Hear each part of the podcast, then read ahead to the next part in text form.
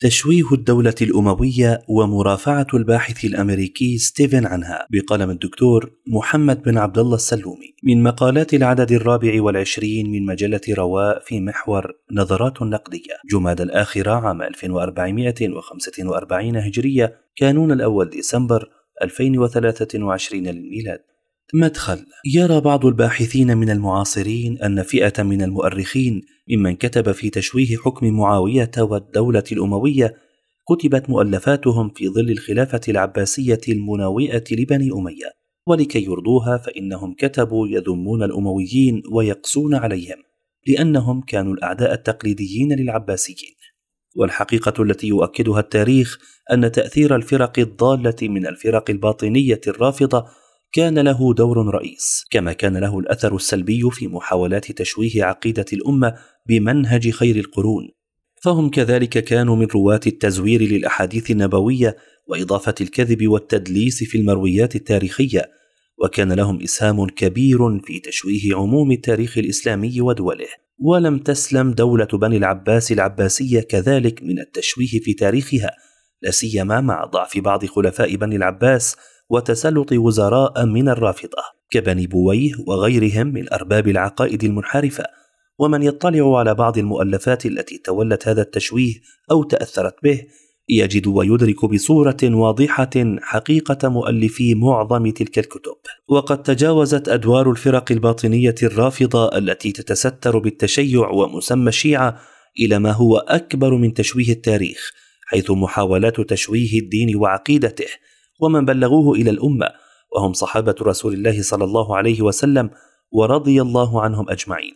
وقد أثبت التاريخ أن لهم في معظم فتنه دورا بارزا فهم وراء الفتن زمن الدولة الأموية والدولة العباسية وقد كانوا سندا كبيرا للتتار المغول عند غزو بلاد الشام عام 656 للهجرة كما أنهم أعوان وأنصار للصليبيين في معظم حملاتهم على العالم الإسلامي حوالي قرنين من الزمن وقد علق شيخ الإسلام ابن تيمية رحمه الله على هذا بقوله فلينظر كل عاقل فيما يحدث في زمانه وما يقرب من زمانه من الفتن والشرور والفساد في الإسلام فإنه يجد معظم ذلك من قبل الرافضة. ويقول رشيد رضا رحمه الله عن هذا الداء العضال الذي بليت به أمة الإسلام في ماضيها وحاضرها وإنني أعتقد منذ عقلت أن دسائس المجوس هي التي فرقت كلمة سلفنا ودسائس الإفرنج هي التي فرقت كلمة مسلمي عصرنا. بل إن المؤرخ المستشرق الأمريكي ويل ديورانت يقول عن هؤلاء الرافضة تعليقا على مقتل الوزير السني نظام الملك في أصبهان عام 485 للهجرة وكان هذا القاتل عضوا في طائفة من أعجب الطوائف في التاريخ. وكان نظام الملك قد اتهم هذه الطائفة في كتابه سياسة نامة بأن زعماءها من نسل المزدكية الشيعية أهل فارس الساسانية. وعن هذه الفتن وأثرها في تشويه التاريخ الإسلامي يمكن الرجوع إلى مقالات متعددة كأنموذج وقد جاءت بعض الكتب الجديدة والمعاصرة بالإسهام في تشويه التاريخ الإسلامي من أمثال كتابات فرهاد دفتري. ومصطفى غالب وعارف تامر ومحمود إسماعيل وأسعد علي وجورج زيدان وغيرهم كثير. ولا غرابة أن ينبري علماء الإسلام قديما وحديثا بالكتابة المتخصصة عن هذه الفرق الباطنية فضلا عن معظم علماء الأمة باستبانة سبل المجرمين وخطرهم الظاهر والكامن. مرافعة علمية. من الواضح أن هذه الاعتبارات السابقة من محاولات التشويه ومن الشبهات المثارة على الدولة الأموية وعلى معاوية بن أبي سفيان رضي الله عنهما مما استثار واستفز المؤرخ والباحث الأمريكي ستيفن هامفريز فكتب عن الدولة الأموية وإيجابياتها وأفضالها على أمة الإسلام من خلال مؤسسها معاوية في كتابه من الجزيرة العربية إلى تشكيل الإمبراطورية معاوية بن أبي سفيان. وبالرغم من أن الكتاب ربما يعد مرافعة أو مدافعة علمية عن معاوية رضي الله عنه والدولة الأموية إلا أن الكتاب لم يخل من هنات أو سقطات علمية متعددة. وهو الأمر المعتاد في كتابات المستشرقين والمؤرخين الغربيين المنصفين نظرا لعدم الإلمام باللغة العربية وأسرارها. ولعدم القدرة على استكمال أدوات البحث العلمي المعمول بها لدى المسلمين. ومع هذا فقد كتب عما يدحض كثيرا من الشبهات المثارة على معاوية ودولته الأموية السنية من هذه الفرق المنحرفة التي أساءت لتاريخ أمة الإسلام. وهي مرافعة تستحق أن تقرأ قراءة فاحصة. ومن ذلك قوله لولا معاوية لاستطاع ابن سبأ السيطرة على دولة المسلمين وتمزيق دينهم مثل ما فعل بولس مع النصرانية. ولولا معاوية لما استمرت دولة العرب ودينهم ولغتهم.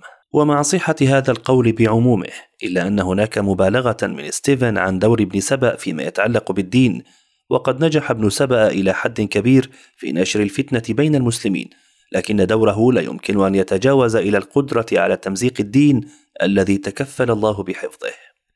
ومما ورد في كتاب ستيفن عن معاوية رضي الله عنه أنه أعاد لعموم الخلافة الإسلامية هيبتها ووحد الدولة الإسلامية بعد أن كانت قد تعرضت لبعض الانشقاقات العديدة وضعفت هيبة وحدة أمة الإسلام بسبب بعض الفتن والانشقاقات. فانقسام الأمة كان فتنة لها مما يشكل أخطارا عليها وعلى وجودها المؤثر والقوي في الأقاليم والبلدان. ومما قال ستيفن مندهشا من ضعف الاهتمام بتاريخ معاوية وذلك في مقدمة كتابه يعد معاوية بن أبي سفيان شخصية ذات أهمية حاسمة في المرحلة التكوينية للخلافة والإمبراطورية العربية الإسلامية، لكن حتى في طوفان الدراسات التي تناولت القرن الإسلامي الأول، لم يحظى معاوية باهتمام يذكر على نحو يدعو إلى الدهشة. ومما قال عنه كذلك وعن كتابه آمل أن يساعد هذا الكتاب في تجديد الاهتمام بهذا الرجل الرائع لكنه ليس كتابا للمختصين الإسلاميين الأول بل هو موجه للقراء الذين بدأوا للتو في الانخراط في دراسة التاريخ الإسلامي سواء كانوا من المسلمين في المهجر الذين يرغبون في معرفة المزيد عن تراثهم التاريخي أم من العلماء والمعلمين الذين يعملون في المجالات ذات الصلة. ومما دون هذا الباحث ما نقله عن بعض المؤرخين المسلمين القدامى بعدم اعتبار الأمويين خلفاء ووصفهم بالملوك أي أخذوا الحكم عن طريق الغلبة أو القوة المحضة والوراثة فيما بعد. وأقول إذا كانت هذه مثلبة وقدحا فهي مما يضيع في بحر مناقب وحسنات دولة بني أمية. وذلك بالنظر إلى الكليات الكبيرة دون الجزئيات. كيف وقد تمت البداية بتدوين السنة النبوية زمن عمر بن عبد العزيز رحمه الله كما كانت بداية نهضة علوم الإسلام المتنوعة. إضافة إلى الفتوحات الإسلامية التي أكملت فتوحات الراشدين وأبقت معظم البلاد المفتوحة دولا إسلامية. وكفى أنها دولة سنية تجاوزت بصورة كبيرة مكائد ودسائس فرق الضلال ولم تقع بأيدي الرافضة.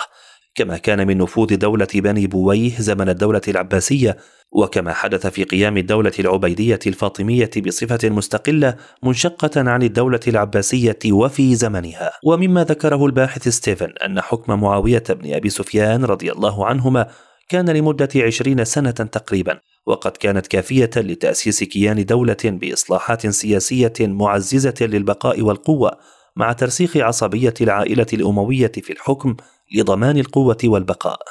كما أن عهد معاوية كان إكمالا للفتوحات الإسلامية والمحافظة على البلاد المفتوحة مثل مصر ومعظم مناطق إيران حسب تعبير الباحث ستيفن.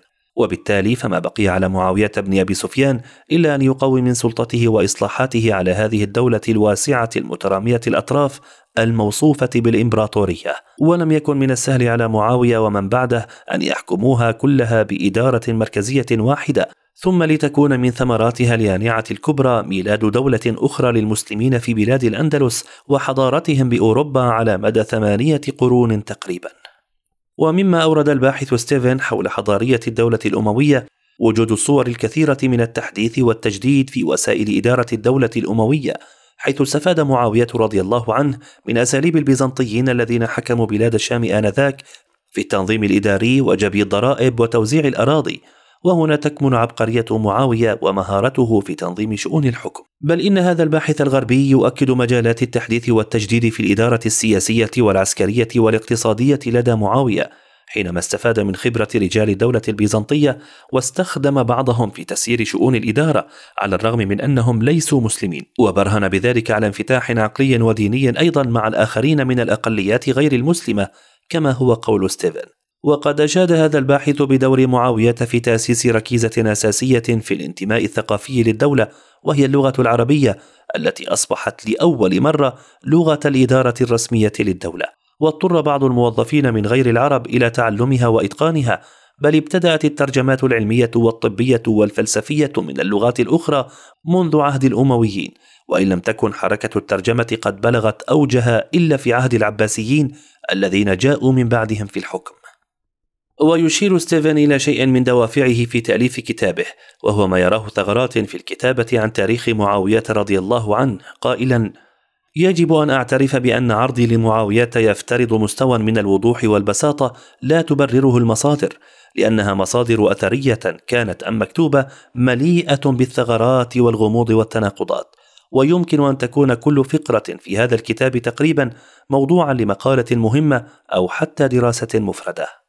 ويؤكد ستيفن حقيقة هذا التشويه وأنه كان من دوافع الكتابة عن معاوية رضي الله عنه بقوله: صورت المصادر حول سيرة حياة معاوية مع التخيلات اللاحقة والتشويهات الأيديولوجية والثغرات حالات من سوء الفهم التي كان ينبغي التعامل معها على نحو نقدي لتكون مفيدة مضيفا أن معاوية يستحق إلى حد كبير عناء معرفته ووصفه في الفصل الأول بالشخصية الحاسمة كما وصفه بأنه كان عبقريا سياسيا في وقت لم يكن باستطاعة أحد وفق المنظور أن ينقذ الإمبراطورية الإسلامية من التفكك.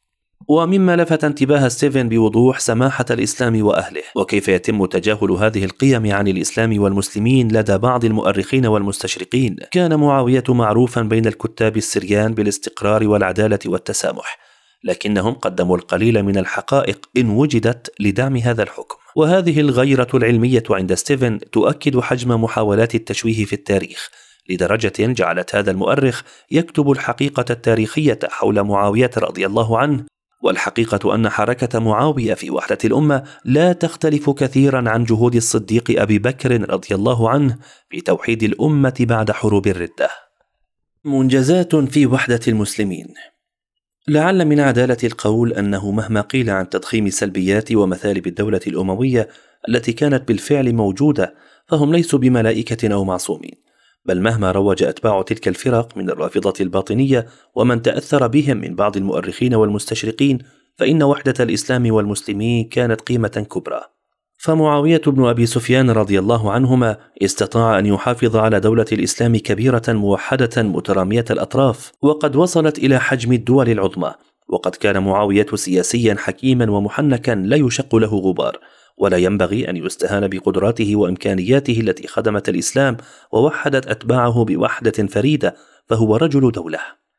والواقع أنه لولا حكمته وصرامته لاستمرت حرب الفتنة الأهلية بين المسلمين ولربما انتهت الدولة الإسلامية أو انفرط عقدها لدرجة أن سمي العام الذي تولى فيه معاوية خلافة المسلمين أو الحكم بعد تنازل الحسن بن علي رضي الله عنهم جميعا عام واحد وأربعين هجرية عام الجماعة. وذلك تعبيرا عن وحدة المسلمين لتستمر الخلافة الأموية أكثر من واحد وتسعين عاما بحوالي أربعة عشر خليفة. والحقيقة التاريخية تقول لا غرابة أن تكره الفرق المنحرفة من الرافضة الباطنية وغيرهم من النصارى معاوية بن أبي سفيان رضي الله عنهما لأن الأمويين واصلوا الفتوحات غربا حتى وصلوا إلى شمال إفريقيا وإسبانيا ووصلوا شرقا إلى الهند والسند.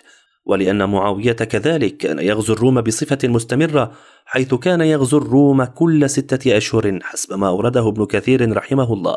وهي الغزوات المسماة الصوائف والشواتي كما أن هذه الفرق الباطنية مع النصارى كذلك يبغضون معاوية لأنه حكم أمة الإسلام حوالي عشرين سنة معظمها كان في جهاد مع الروم ويكرهون معاوية لأنه استكمل فتوحات الشرق الإسلامي بفارس وما وراءه وبلاد السند وبلاد ما وراء النهر وبقية الشمال الأفريقي إلى حدود المحيط الأطلسي.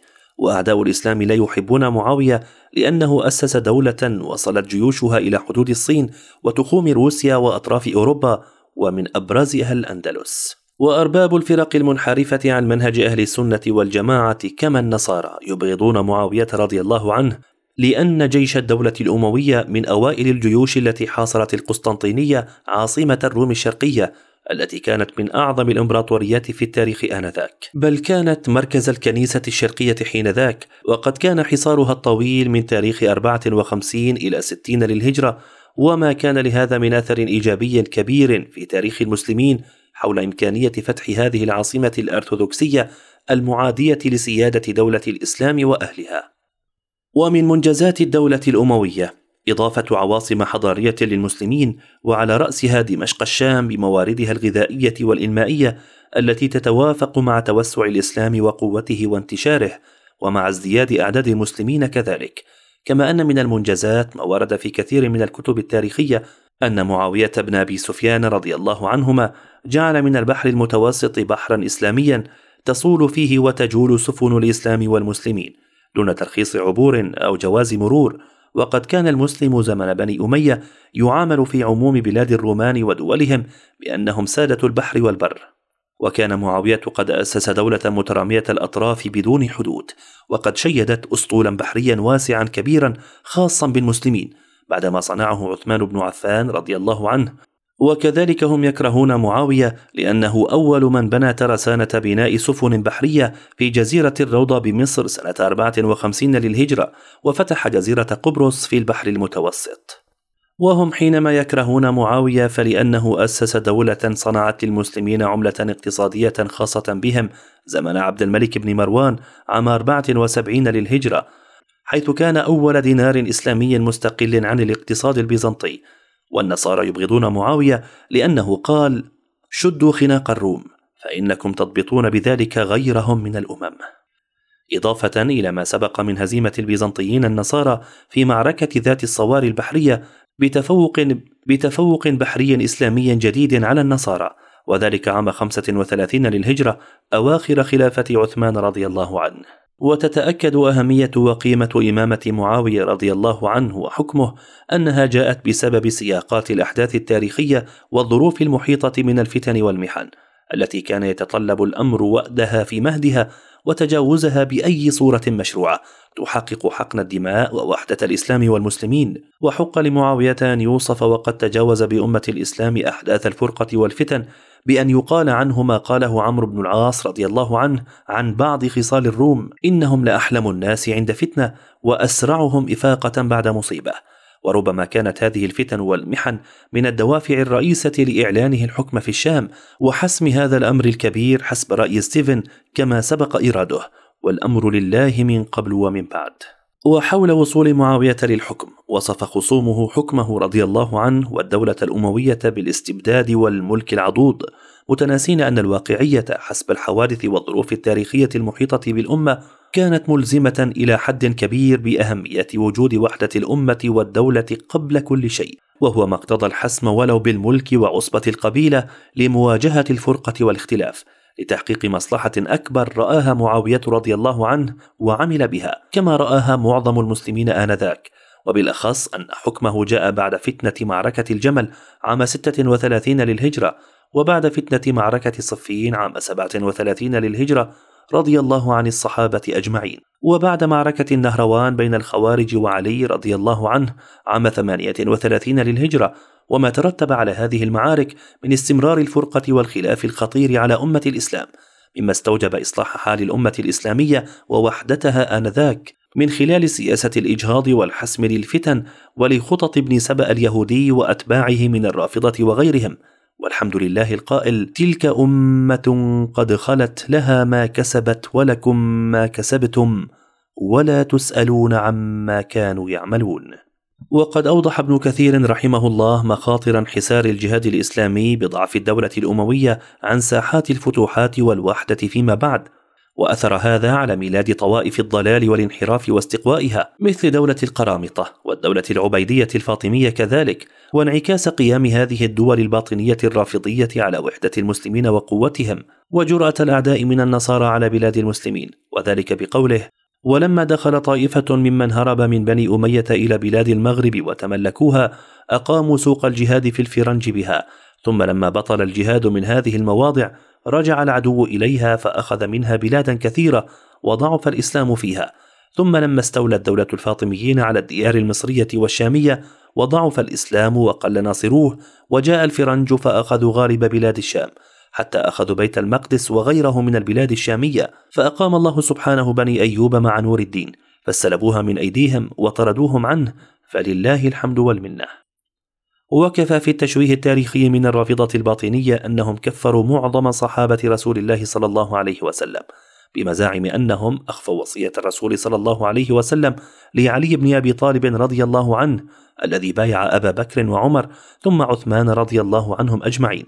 فالرافضة الباطنية أمة التكفير والقتل بحق لدى علماء الأمة وحسب التاريخ بماضيه وحاضره. وخلاصة القول عن وحدة المسلمين أن دولة بني أمية بمنجزاتها الحضارية وفضلها على الإسلام ووحدة أتباعه من المسلمين جعلت كثيرا من المؤرخين والباحثين يكتب عنها بما يفوق كتابات أصحاب الأهواء والتشويه ويميزها. وقد أصبحت الدولة الأموية بوابة لتأسيس الدول الإسلامية المتعاقبة عبر التاريخ بعواصمها الحضارية المتعددة بالرغم من وصف بعض هذه الدول بالملك العضوض. ولم تكن هذه الدولة أو غيرها مبرأة من الأخطاء والنقائص والعيوب كما هي جميع الدول بسابق التاريخ ولاحقه كما سبق إيضاحه. وصدق الله القائل فأما الزبد فيذهب جفاء وأما ما ينفع الناس فيمكث في الأرض.